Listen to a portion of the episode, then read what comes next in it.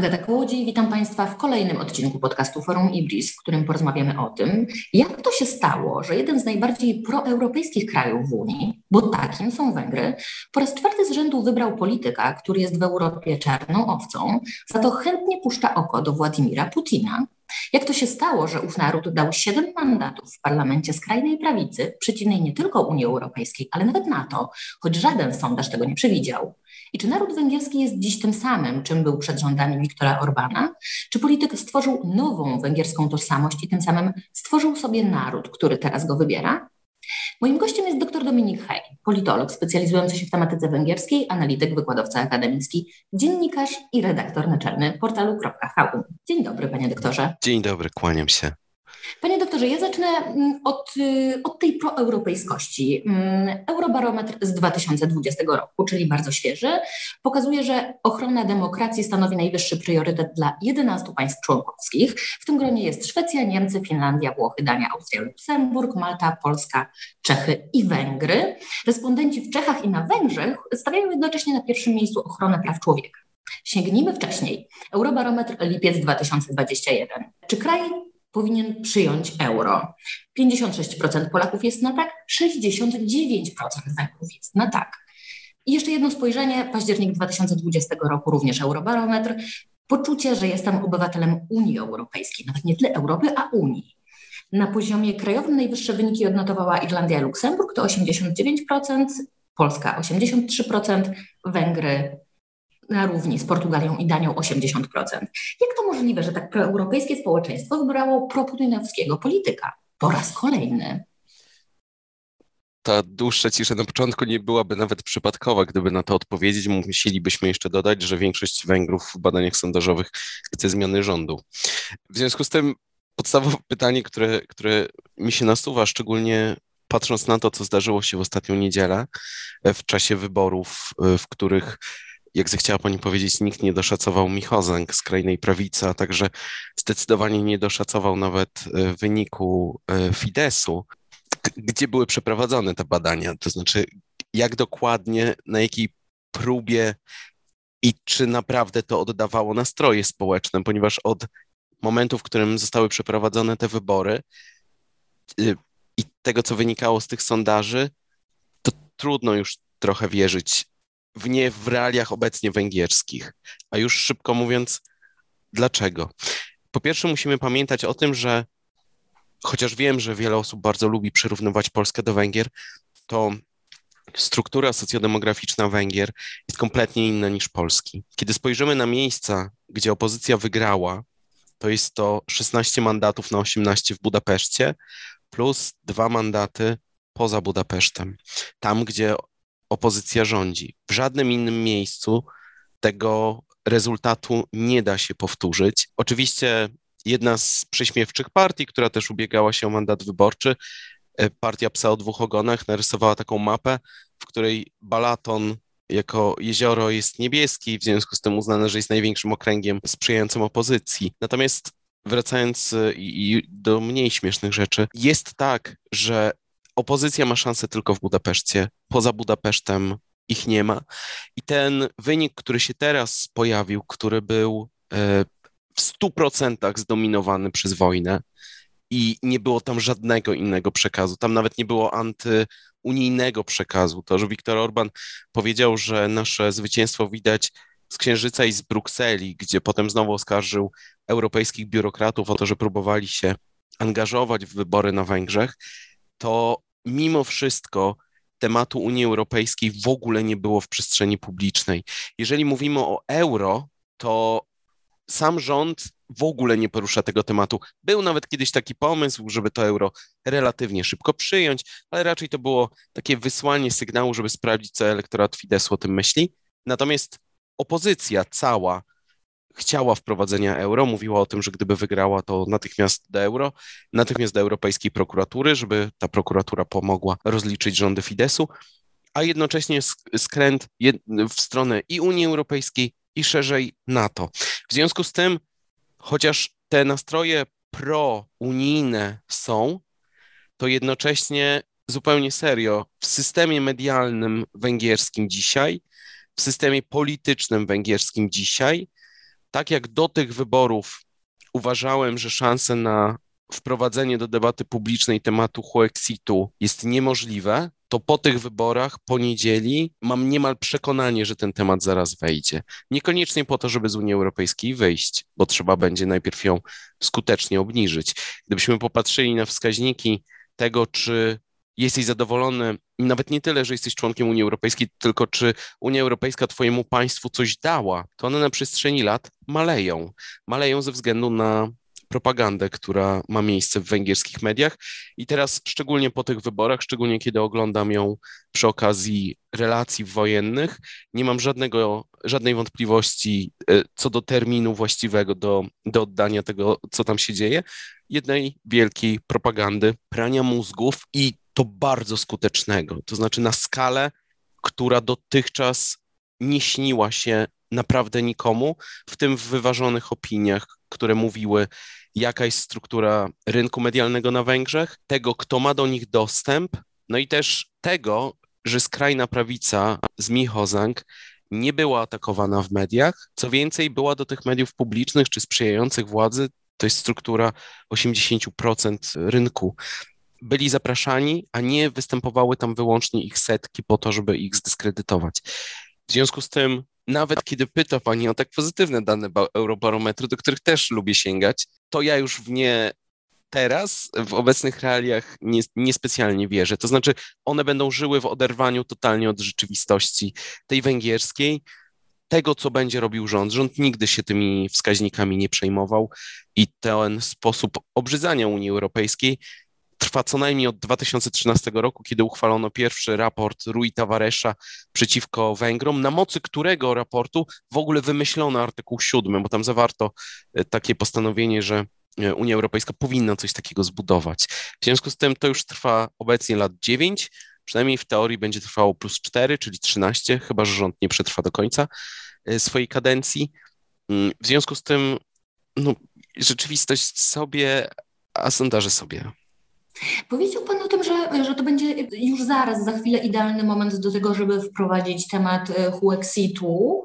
Mm, niekoniecznie dlatego, żeby rzeczywiście do tego doprowadzić. To po co? Szybko odpowiadając, mamy spór dotyczący Krajowego Planu Odbudowy, który na Węgrzech wciąż nie jest przyjęty, podobnie zresztą jak w Polsce. Węgrzy potrzebują tych pieniędzy bardzo, co udowodnił list Viktora Orbana mniej więcej z połowy marca, w którym pisał do przewodniczącej Komisji Europejskiej, ażeby jak najszybciej uruchomiła nie tylko tę część grantową, to jest 7,2 miliarda euro, ale też część kredytową, tam jest 10 miliardów euro. Węgrom kończą się pieniądze system, pewnie będziemy o tym mówić, dużego rozdania pieniędzy przed wyborami, a także skutków pandemii, zdecydowanie wpłyną na kondycję finansów publicznych, które teraz pod względem na przykład zadłużenia e, państwa, e, długu publicznego w stosunku do PKB jest na poziomie z 2012 roku, czyli ponad 80% i wystrzelił w ciągu jednego roku o 15 punktów procentowych do góry. To jest,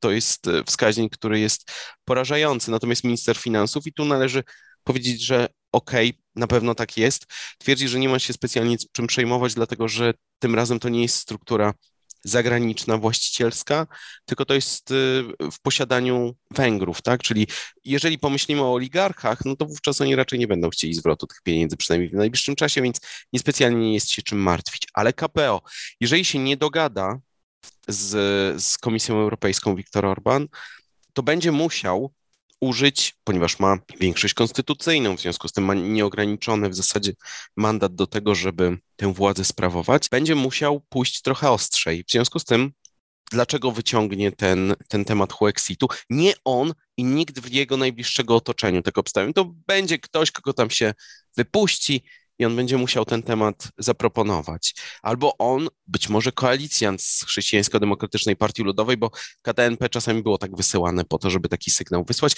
Ciekawostka jest taka, że jak Fidesz nie jest w Europejskiej Partii Ludowej, to jeden poseł z KDNP tam wciąż jest. W związku z tym w tej, w tej partii, która jest tak e, krytykowana e, przez, przez Węgrów, wciąż jeden poseł koalicji zasiada, zresztą celowo, w, w, w, tej frakcji. W związku z tym jest istotna kwestia, którą jest skrajna prawica, antyunijna.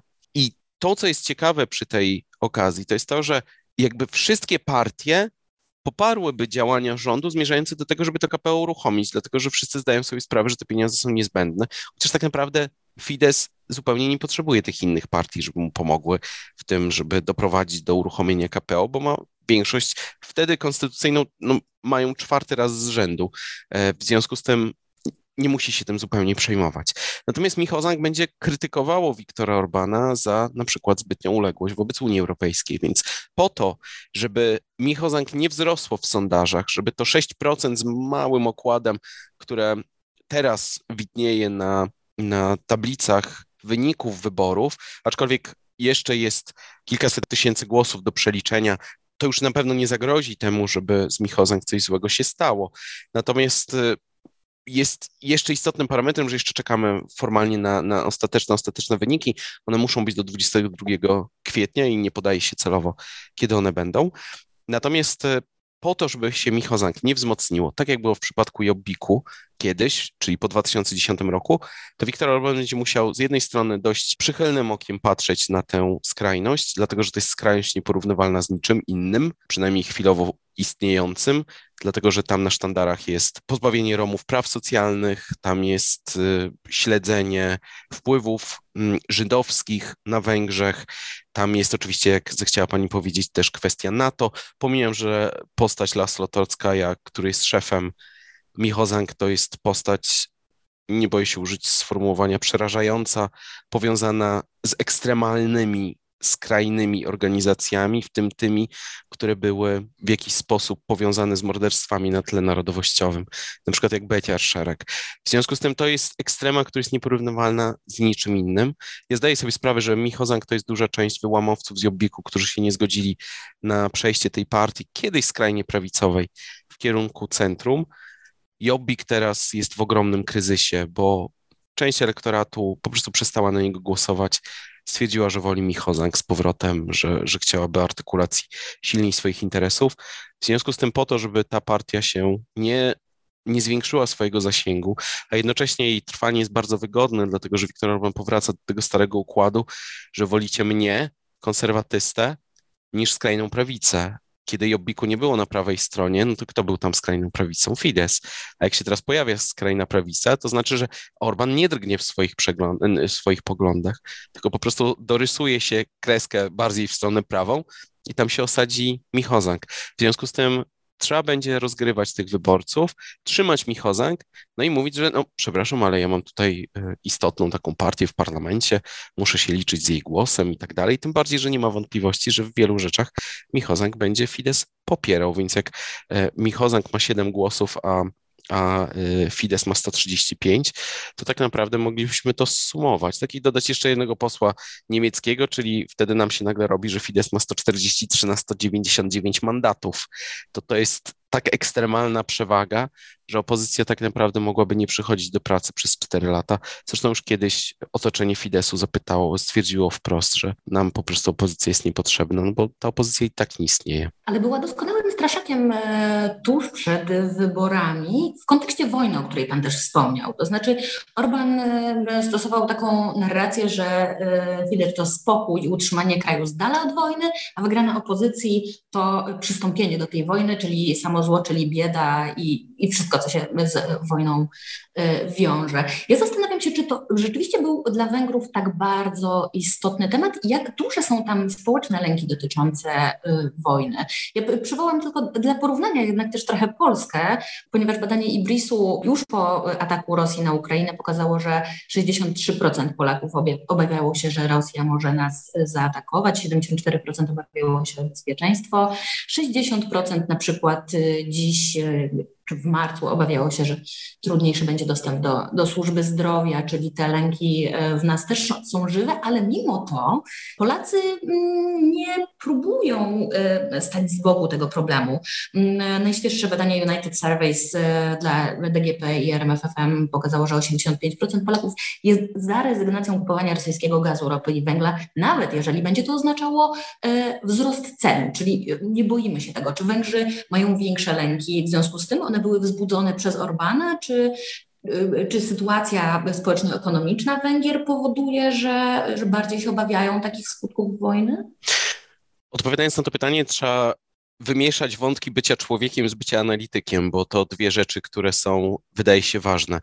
Byłem teraz cztery dni na Węgrzech przy okazji wyborów i powiem tak, ja wolę płacić więcej za paliwo i by mieć poczucie życia w państwie, które jest przyzwoite i moralnie stoi po właściwej stronie, niż bycie jakokolwiek, pomimo własnej węgierskiej narodowości, częścią tamtego porządku, który, który jest na Węgrzech. Mianowicie faktycznie temat wojny został wykorzystany w sposób tak obrzydliwy i nie boję się tego określenia, że trudny wręcz do uwierzenia. Myślę, że czy pani, czy, czy słuchacze być może zauważyli, czy, czy usłyszeli ten śmiech Wiktora Orbana, kiedy ogłaszał swoje zwycięstwo i opowiadał przeciwko komu musiał walczyć, żeby wygrać. I na końcu zamieścił tam Wołodymira Zełenskiego, nie w sposób przypadkowy. To się dzieje w niedzielę wieczorem, kiedy Buczą Polska już żyje dwa dni. I co i nic.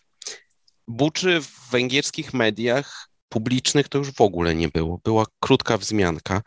Wiadomości kończą się zazwyczaj oświadczeniem rzecznika Ministerstwa Obrony Narodowej Rosji, który wszystkiemu zaprzecza i tam staje kropka. Nie ma informacji o tym, jak to wygląda. I faktycznie dzięki będę cały czas poruszał się w tej poetyce medialnej, dlatego że dopiero widać, jak to jest nieprawdopodobna przewaga komunikacyjna na niespotykaną skalę, bo moglibyśmy powiedzieć, też się często z tym spotykano, Węgrzy mają internet, mogą se obejrzeć. Problem w tym, że żeby se obejrzeć, to jeszcze trzeba chcieć tego obejrzenia, albo inaczej, zdawać sobie sprawę, że istnieje alternatywny świat do tego, którego jest się świadkiem. Na Węgrzech tego nie ma. Oczywiście można sobie otworzyć każdą inną stronę, ale nie ma takiej potrzeby w większości ludzi. Przez taką bierność, o, której pewnie wspomnimy przy okazji tej tożsamości, tego, co Viktor Orban z nią zrobił. Natomiast sam sposób prezentowania, postawienia sprawy jasno, to znaczy, że my jesteśmy za pokojem, a wy jesteście za wojną. Za wojną, gdzie dwa dni przed wyborami powiedziano, że opozycja dogadała się e, z, ze stroną ukraińską i kiedy tylko wygra, to już wysyła żołnierzy, już wysyła broń. Pierwsze pytanie, żeby odrzeć to z propagandy, dokąd wysyła tych żołnierzy? Znaczy w imię czego? To jest pierwsze pytanie. NATO powiedziało, że się nie zaangażuje, to znaczy dokąd ich wysyłają? Rzecz druga, zbudowania takiej narracji, że wojska natowskie w końcu, bo to nie było od początku pewne, będą mogły przyjechać na Węgry, będą mogły po Węgrzech broń przewozić, ale osiedlać się, budować bazy wyłącznie na zachód od linii Dunaju, czyli nawet gdybyśmy spojrzeli na Budapeszt, to ci z Państwa, którzy w Budapeszcie byli, to parlament macie po stronie, po której nie można budować stron NATO, a basztę rybacką macie po stronie, po której można budować bazy NATO, czyli premier Orban może mieć bazę NATO pod swoimi oknami i nawet kiedy mieszka na wzgórzach e, w Budzie, e, ale cała strona po stronie Pesztu już nie może tam mieć baz NATO. To brzmi absurdalnie, ale nawet e, ponieważ pojechałem zobaczyć elektrownię atomową w Poksz, bo musiałem zobaczyć na jakim to jest etapie, bo jak się tego na własne oczy nie zobaczy i jak bardzo jest zaangażowany ten Rosatom, to, to się nie da nigdzie sprawdzić, czy to się buduje, nie buduje, co się dzieje. Przepływałem promem przez Dunaj na drugą stronę, ze strony, po której można mieć wojska NATO, na tą, po której nie można mieć wojsk NATO, więc można to znieść aż do takiego absurdu. I ta cała propaganda, która się tutaj zakręciła wokół tego, bo w sondażach tego nie było widać, żeby ludzi to specjalnie ruszał ten temat. Tym bardziej, że Ukraina jest dyskredytowana od lat na Węgrzech, od 2014 roku, kiedy świeżo po zajęciu Krymu Viktor Orban ogłosił w parlamencie, tak niby mimochodem rzucił, że można by było tam utworzyć autonomię na Zakarpaciu. I tak naprawdę przez cały ten później okres ustawy o języku, o edukacji, czy ostatniej o obywatelstwie, spór ze stroną ukraińską wyłącznie narastał. Było to pokazane jako państwo upadłe, było takie słynne w 2018 roku opublikowane e, moratorium, czy memorandum, proszę mi wybaczyć, że nie będę pamiętał, Wiktora Orbana w sprawie Ukrainy, w którym e, kazał państwom NATO zrewidować swoje relacje z Ukrainą, e, uznając je za państwo upadłe, które nigdy nie wejdzie do Unii, nigdy nie wejdzie do NATO. Rząd w Kijowie był przezeń nazywany rządem Szorosza. W związku z tym absolutnie najgorsze, co można by było mówić o Ukrainie, mówioną. Wykorzystywano temat Wołynia, kiedy Ukrainę bronili e, Polacy, oczywiście nie z tej bliższej partii, tylko tej dalszej. W związku z tym e, jakby cała narracja została jasno ustawiona, no i potem kolportowana.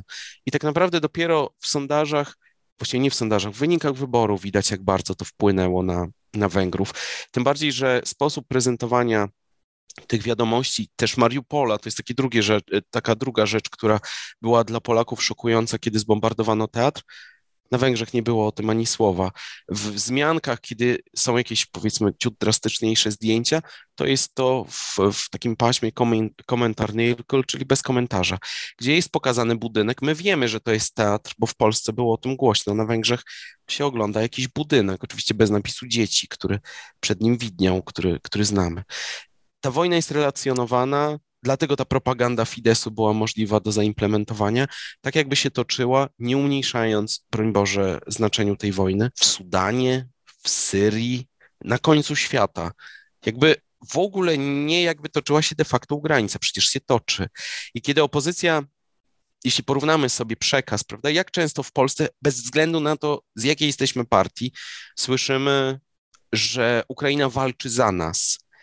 To powiedział kandydat opozycji, Peter Markizoj. Co powiedział Fidesz, Viktor Orban i y, szef MSZ-u Peter Siarto? Opozycja was okłamuje, to nie jest nasza wojna, oni nie walczą za nas. My nie możemy się zaangażować, bo nas rozstrzelają. Rozstrzelają, chcą, żebyśmy przekazali broń po to, żeby rozstrzelali Węgrów, albo Węgrów zakarpackich. Pytanie brzmi, bo tam jest końcówka czasownika, kto ma ich rozstrzelać? Bo tam w tej narracji to brzmi jakby Ukraińcy. I to można wysnuć tylko z końcówek czasowników i, i, i jakby bardzo wgryzając się w przekaz, co oczywiście nie jest przypadkowe, ale żeby to spuentować, bo była pani uprzejma zapytać o, o kwestie gospodarcze. Współpracę z Rosją przy okazji sprzedawało się jako możliwość zakupu taniego gazu, taniego prądu i straszono tym, jak wzrosną ceny w momencie, w którym zaczęliśmy nagrywać y, nasz podcast, dokładnie pojawiła się informacja w Napsowo, że w styczniu Węgrzy wcale nie płacą jednej piątej ceny rynkowej gazu, jakich informowano w kampanii wyborczej, tylko pełną stawkę według danych węgierskiego GUS-u. To nie wpłynie zupełnie oczywiście na na sposób postrzegania tej rzeczywistości, ewentualnie utwardzi stanowisko elektoratu opozycji, bowiem Fidesz nie będzie miał specjalnej potrzeby, żeby wytłumaczyć Węgrom, dlaczego płacą tyle, a nie innej kwoty, skoro i tak na fakturach mają informację o tym, że będą płacić mniej bo na tym się to opiera. Tam jest taki system od 2013 roku, gdzie państwo odgórnie reguluje ceny energii. Nie są one zupełnie uwolnione, tylko dostają państwo fakturę. Na fakturze macie dwa wielkie pomarańczowe, tak jak barwy Fidesu, pola, gdzie macie informację, ile dzięki, to jest tak zwane reżi czy kentysz, ile dzięki tej polityce y, oszczędziliście na tej fakturze, a ile od początku waszych faktur, tak? Czyli w zależności od tego, które lata. Jeżeli zobaczycie tam na przykład setki w przeliczeniu, setki albo tysiące złotych, to wtedy wielu Węgrów powiedzmy, że staje się bardziej relatywizujących rzeczywistość, szczególnie, że oni nie mają punktu odniesienia, bo nie mają takich relacji z, z wojny w Ukrainie, e, nie mają takich łączeń wzruszających, no i też kompletnie tam się nie czuje tego zjednoczenia, które jest y, w Polsce, które jest zupełnie, tak jak mówi się, y, prawda, że Ukraina to jak siostra. Tam kompletnie tego nie ma. W związku z tym zdecydowanie łatwiej było przygotować taką propagandę i tak naprawdę zderzyć ten świat z tym, co było w 2018, czyli masowym straszeniem imigrantami, których już dawno tam nie było. E, natomiast teraz jakby wykorzystano doświadczenia z tamtej techniki e, i z tamtej kampanii, zmiksowano z tą kampanią, podprowadzając ją pod te nowe warunki.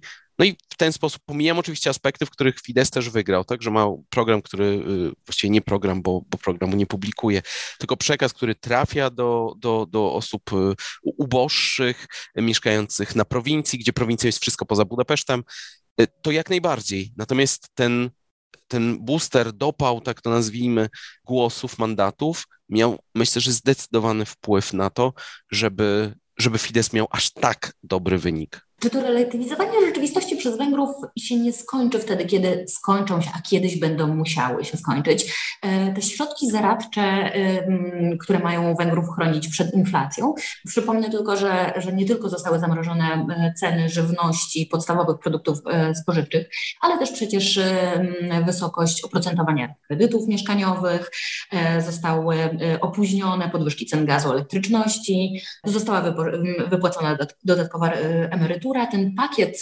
rozdawnictwa, jak już Pan to ujął, był bardzo szeroki, a jednocześnie wspomina Pan, że jednak zadłużenie Węgier jest na bardzo wysokim poziomie.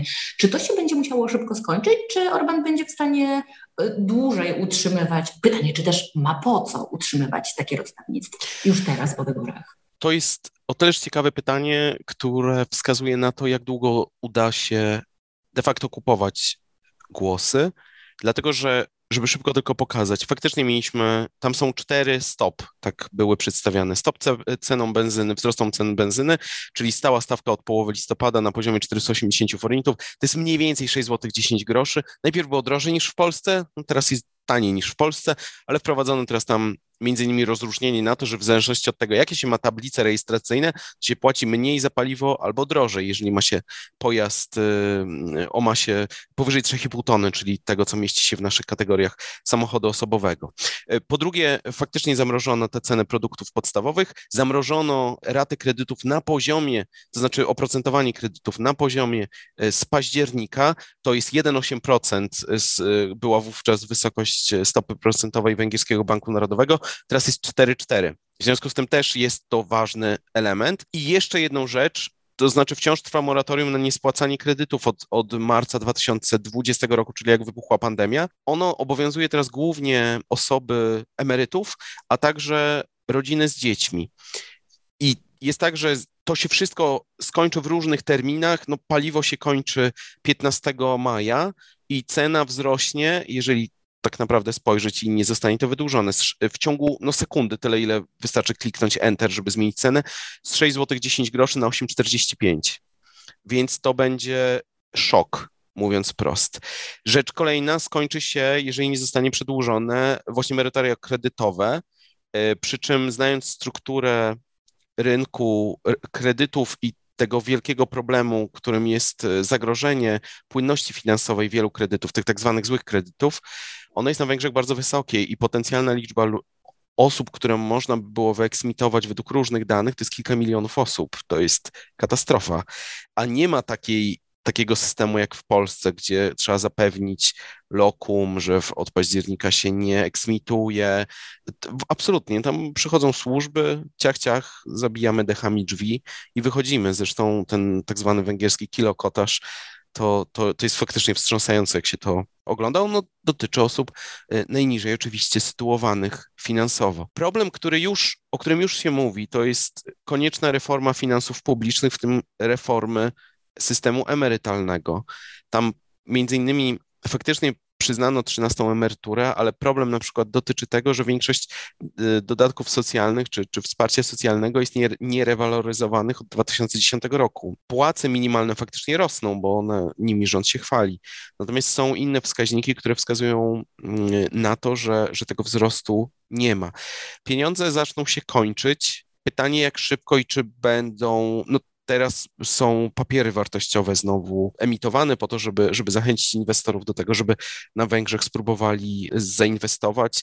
Zresztą powiązanie węgierskiej gospodarki od, od bezpośrednich in, inwestycji zagranicznych jest na skalę, która jest niespotykana. Bodaj dwa lata temu, według danych, to jest udział bezpośrednich inwestycji zagranicznych w, w PKB to jest 105%. To jest najwyższy wynik absolutnie według danych y, OECD i, i, myślę, że wyprzedzające wszystko, wszystko inne. Jeżeli spojrzymy na łańcuchy dostaw i tego, co się dzieje, co się będzie działo na rynku, z jednej strony z pandemią, z drugiej strony e, tego okresu postwojennego, tak to nazwijmy, którego wszyscy czekamy, to może to potwornie uderzyć w Węgry, a jedyny powód, dla którego Węgrzy wychodzą ewentualnie protestować, to są kwestie społeczne i socjalne, wyłącznie finansowe, nie polityczne. Tak jak wtedy, kiedy w 2018 roku uchwalono tak zwaną ustawę niewolniczą, czyli e, nowelizację kodeksu pracy, e, to wtedy faktycznie były protesty i to wszędzie, zresztą wtedy się narodziła e, zjednoczona opozycja, bo uznano, że nie ma wobec tego alternatywy, żeby ona nie była zjednoczona. I jednocześnie jakby obok tych, tych zamrożeń, o których była Pani uprzejma wspomnieć, przyznano sektorowe podwyżki w budżetówce i to nie o 2%, 3%, tylko o 20%, 15-20%. czasami więcej. E, a także oddano cały podatek dochodowy za rok 2021 wszystkim rodzicom, którzy wychowują dzieci. E, to akurat jest jako pro, pro e, dzietny, tak to nazwijmy, czynnik, bardzo ciekawa inicjatywa. Natomiast jakby dla finansów publicznych było to łącznie dużym obciążeniem. Natomiast Fidesz zagrał nawet nie tyle wabank, co co zdając sobie sprawę, że w ten sposób będzie też przychylność. Tam chodziło o lekarzy, którzy mocno protestowali w okolicach e, COVID-u, tam chodziło o dodatkowe pensje, a nawet potrójny rząd z góry wypłacony, żołd, przepraszam, z góry wypłacony dla policji, służb mundurowych, e, czyli odpowiednika Straży Granicznej, która jest tam, funkcjonuje w policji, oczywiście wojska i tak dalej, żeby jakby te grupy społeczne zostały odpowiednio, nazwijmy to, zaopiekowane przed, przed wyborami. I teraz, jeżeli się nie uda porozumieć w sprawie y, Krajowego Planu Odbudowy, to zostanie jedyna w zasadzie alternatywa, czyli Chiny. Przy czym nie będzie to teraz też takie proste z racji trudnych relacji między Unią Europejską a Chinami, Stanami Zjednoczonymi a Chinami i też pewnej obstrukcji, która e, ma miejsce e, w relacjach z Rosją. W związku z tym ja już nie jestem w stanie w 100% powiedzieć, że, e, że wybierze te pieniądze na pewno zamiast tych, dlatego że w sierpniu 2021 roku Fidesz stwierdził, że uruchamia własny krajowy program odbudowy i nie potrzebuje unijnych pieniędzy, po czym parę miesięcy później wysyła list, w którym prosi Komisję Europejską, żeby wreszcie jak najszybciej uruchomiła te pieniądze. Więc jest tym bardzo dużo PR-u, ale jednocześnie dynamika procesów międzynarodowych, które się dzieją, jest tak szybka i tak nieprzewidywalna, że póki nie będzie oficjalnego z góry przewidzianego jakiegoś komunikatu z Budapesztu dotyczących sojuszy i tak dalej, to trochę ciężko jest spekulować. Natomiast teraz, szczególnie kiedy dowiadujemy się, że te ceny energii jednak nie są y, aż tak preferencyjne, jakby mogły być, to też pytanie zupełnie serio o przyszłość programu właśnie tych obniżek, szczególnie, że Węgry nie będą w stanie same zablokować e, sankcji na obszar energetyki. W związku z tym, nawet jeśli nie z własnej woli, to Komisja Europejska wywrze na Węgrzech konieczność odłączania się albo ograniczenia wpływów rosyjskich. Oczywiście retorycznie zostanie to e, sprzedane w ten sposób, że e, Węgrzy płacą cenę wojny, wojnę rozpętaną przez Zachód, bo bardzo dużo jest porównań do wojny w Jugosławii i pokazywania, że myśmy tej wojny też nie chcieli, a zostaliśmy w nią poniekąd wciągnięci. No i wtedy zostanie zrzucone to na kanwę tego, że kryzys gospodarczy to jest przez Ukrainę e, i przez wojnę, która ma tam miejsce, a nie przez jakiekolwiek nasze błędne decyzje. A społeczeństwo węgierskie przyjmie taką narrację, bo jak był Pan łaskaw powiedzieć, Viktor Orban pracuje nad tym od lat, żeby stworzyć w nim bierność. Jak to wygląda? Czy rzeczywiście społeczeństwo węgierskie jest dziś inne niż przed kilkoma kadencjami Wiktora Orbana i, e, i po co właściwie jemu jest tworzenie nowej węgierskiej tożsamości? Dokąd Orban zmierza? Bierność na Węgrzech to jest akurat cecha, powiedzmy, narodowa, którą widać też przy okazji chyba najprościej jest tak pokazać, to znaczy liczby protestów ogólnokrajowych, które miały miejsce na przestrzeni lat w tym czasach e, komunistycznych nie miały one takiego miejsca. Ten narodowy, moglibyśmy powiedzieć, niektórzy by powiedzieli pragmatyzm, e, niektórzy by powiedzieli właśnie bierność. Ja uważam, że to jest też konformizm. Polega na takim paradoksalnym powrocie do czasów Kadara, czyli komunistycznego przywódcy, gdzie wszystko macie, gdzie możecie sobie jeździć na wakacje, możecie robić co zechcecie, tylko się nie wychylajcie, nie protestujcie, będzie wam dany, tak? I, i nie musicie o niczym myśleć. System nawet edukacji na Węgrzech, czy później sposób traktowania wyborców przez Fidesz, przez media jako odbiorców, pokazuje, że tam nie ma przestrzeni na własne myślenie. Tam wszystko musi być dopowiedziane. Tam nie można dopuścić do sytuacji, w której człowiek miałby pole do jakiejś szerszej refleksji, tak? Pozostawić wielokropek na końcu zdania. Nie. Odbiorca czy wyborca musi w 100% mieć zapewnioną informację i właśnie do tego stopnia, żeby nie potrzebował, czy nie czuł wewnętrznej potrzeby zainteresowania się tym tematem, pójścia szerzej, nie ma przyjąć przekaz, który został mu dany. Tu jeszcze jest ważnym tym czynnikiem, czyli jakby wykorzystania czy zbudowania zależności, że, że no bo macie dobrze, macie tani gaz, macie tani prąd, macie te podwyżki, zablokowaliśmy wam e, ceny różnych produktów, żebyście nie musieli odczuwać kryzysu. Pójdźcie, zagłosujcie, jesteśmy gwarantem, że tak będzie. Macie tą służbę zdrowia, co prawda w nie najlepszym stanie, ale jest i tak dalej, i tak dalej. Tak to znaczy też cała propaganda sukcesu wokół polityki zaradczej rządu w obszarze koronawirusa, w tym zakupu największej liczby respiratorów przypadającej na, mieszkań, na 100 tysięcy mieszkańców na świecie. Nikt tyle nie miał respiratorów. Teraz się je rozdaje albo sprzedaje, bo nie spełniają żadnych kryteriów w wielu aspektach, ale były, tak? Można było pokazać, że one są. Maseczki, które nie spełniały wymogów, ale za to były i to dzięki dobrej współpracy z Chinami. Jakby całej propagandy sukcesu, która została tu uruchomiona. No i oczywiście musi ona dotrzeć z kancelarii premiera przez wszystkie szczeble komunikacyjne, w tym najmniejsze gazetki, które są w tym e, całym konsorcjum, tak to nazwijmy, mediów prorządowych, e, po to, żeby w najmniejszej wiosce pan Janosz czy pani, e, nie wiem, Jadwiga, czy ktokolwiek, dokładnie wiedzieli o tym, jaka jest prawda, prawda jedyna, czyli prawda, którą przedstawia jej, jej rząd. Jeszcze jednym kryterium, które jest tu ważne, to jest polityka takiego wstawania z kolan, to znaczy pokazania Węgrom, że nie są tylko od tego, żeby być e, jakby bierni, tylko żeby pokazać, że pomimo tego, że to nie jest duży naród ani duże powierzchniowo państwo, to ma ono duże znaczenie w strukturach Unii Europejskiej. I temu służyło między innymi, nawet kiedy trzeba później się ugiąć, tak, i przegłosować coś, ale wszyscy słyszą, że to Węgry, dbając o interes Węgrów, są w stanie zablokować pewną politykę. Zresztą proszę zwrócić uwagę, w jaki sposób y, niektórzy Viktora Orbana chronią, mówiąc o tym, że albo jest to pokłosie obecnych decyzji przez rząd socjalistów, no co po 12 latach brzmi dość groteskowo i zważywszy na to, jaką politykę energetyczną prowadzi Viktor Orban sam i nikt mu nie kazał podpisywać kontraktów gazowych na przykład na 15 lat, czy kontraktu na budowę elektrowni atomowej e, z, w paksz z Putinem.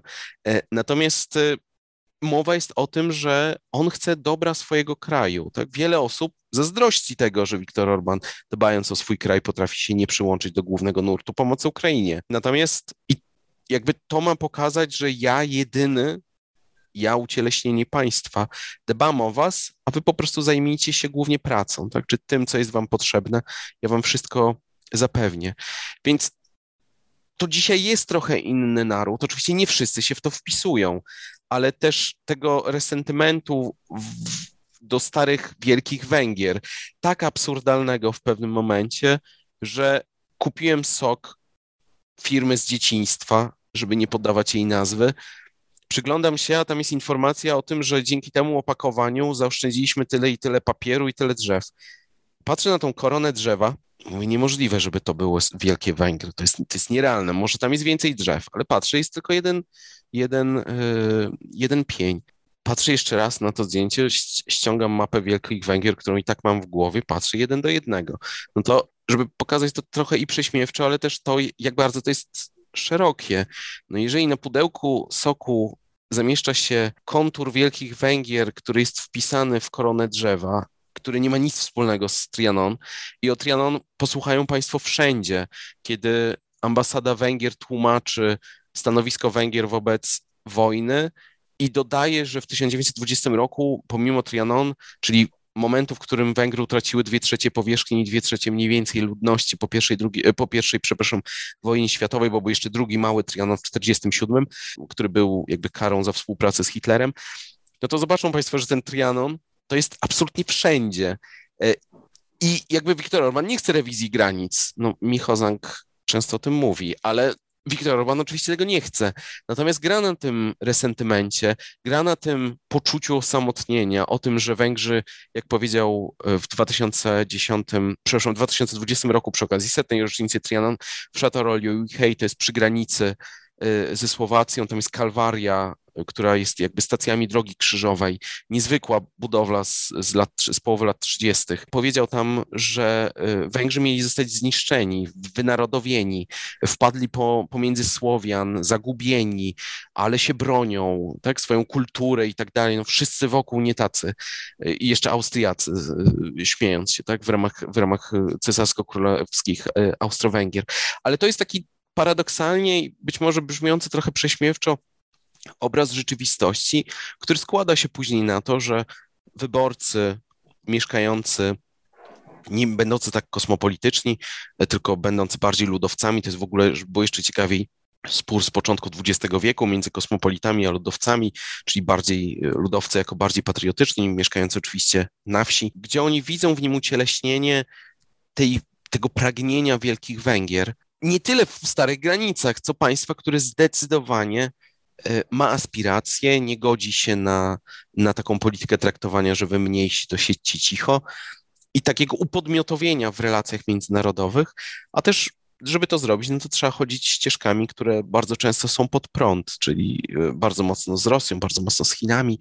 E, I to jest coś, co, co Wiktorowi Orbanowi bardzo dobrze wychodzi na przestrzeni lat. No ale żeby to zrobić, to trzeba było naprawdę wykonać tytaniczną pracę, nie tylko w słowach, słowach, słowach, tylko w tym, że ten przekaz trzeba było pokazać. I to jest też odpowiedź na pytanie, dlaczego Węgrom pomimo 56 roku, jak często się pokazuje, Węgrzy nic nie, nie robią sobie z, z, z, z obaw wobec Rosji. 80 parę procent Węgrów uważa, że w ogóle nie ma się czego obawiać. No to właśnie z tego, że faktycznie Viktor Orban też wypłynął na 56 roku, natomiast y, później on powiedział, że trzeba oddzielić politykę od historii, gospodarkę od historii. Media to opracowały, pokazywały te dobre relacje z Rosją, że nie ma się czego bać zupełnie. No i po latach, no bo tego się nie da zrobić w ciągu chwili, po latach większość społeczeństwa uważa, że skoro Viktor Orban uważa, że tak jest, to znaczy, że tak jest. I że skoro nie ma się czego bać, to znaczy, że nie ma się czego bać. Więc tak naprawdę tu jest tych mnóstwo wątków, które się zamykają w budowaniu tej, e, tej, tej nowej, nazwijmy to, tożsamości, a jednocześnie, którą można zestawić z tym, o czym była Pani uprzejma wspomnieć na samym, samym początku, czyli z eurobarometrem. Także jedno totalnie nie wyklucza drugiego, żeby być jednocześnie proeuropejskim i bardzo korzystać z tego, z tej proeuropejskości. Zresztą Viktor Orban pytany o to, że przecież sam był stypendystą George'a Sorosza, którego tak nie, nie lubi, mówi, no byłem i wróciłem. I bardzo dobrze, że wróciłem na Węgry. W związku z tym tak było, tak jest, nie stanowi to problemu i dla społeczeństwa też nie stanowi. Fascynujące. Tutaj postawimy kropkę. Bardzo dziękuję panie doktorze za rozmowę. Moim gościem był dr Dominik Haj. Bardzo dziękuję.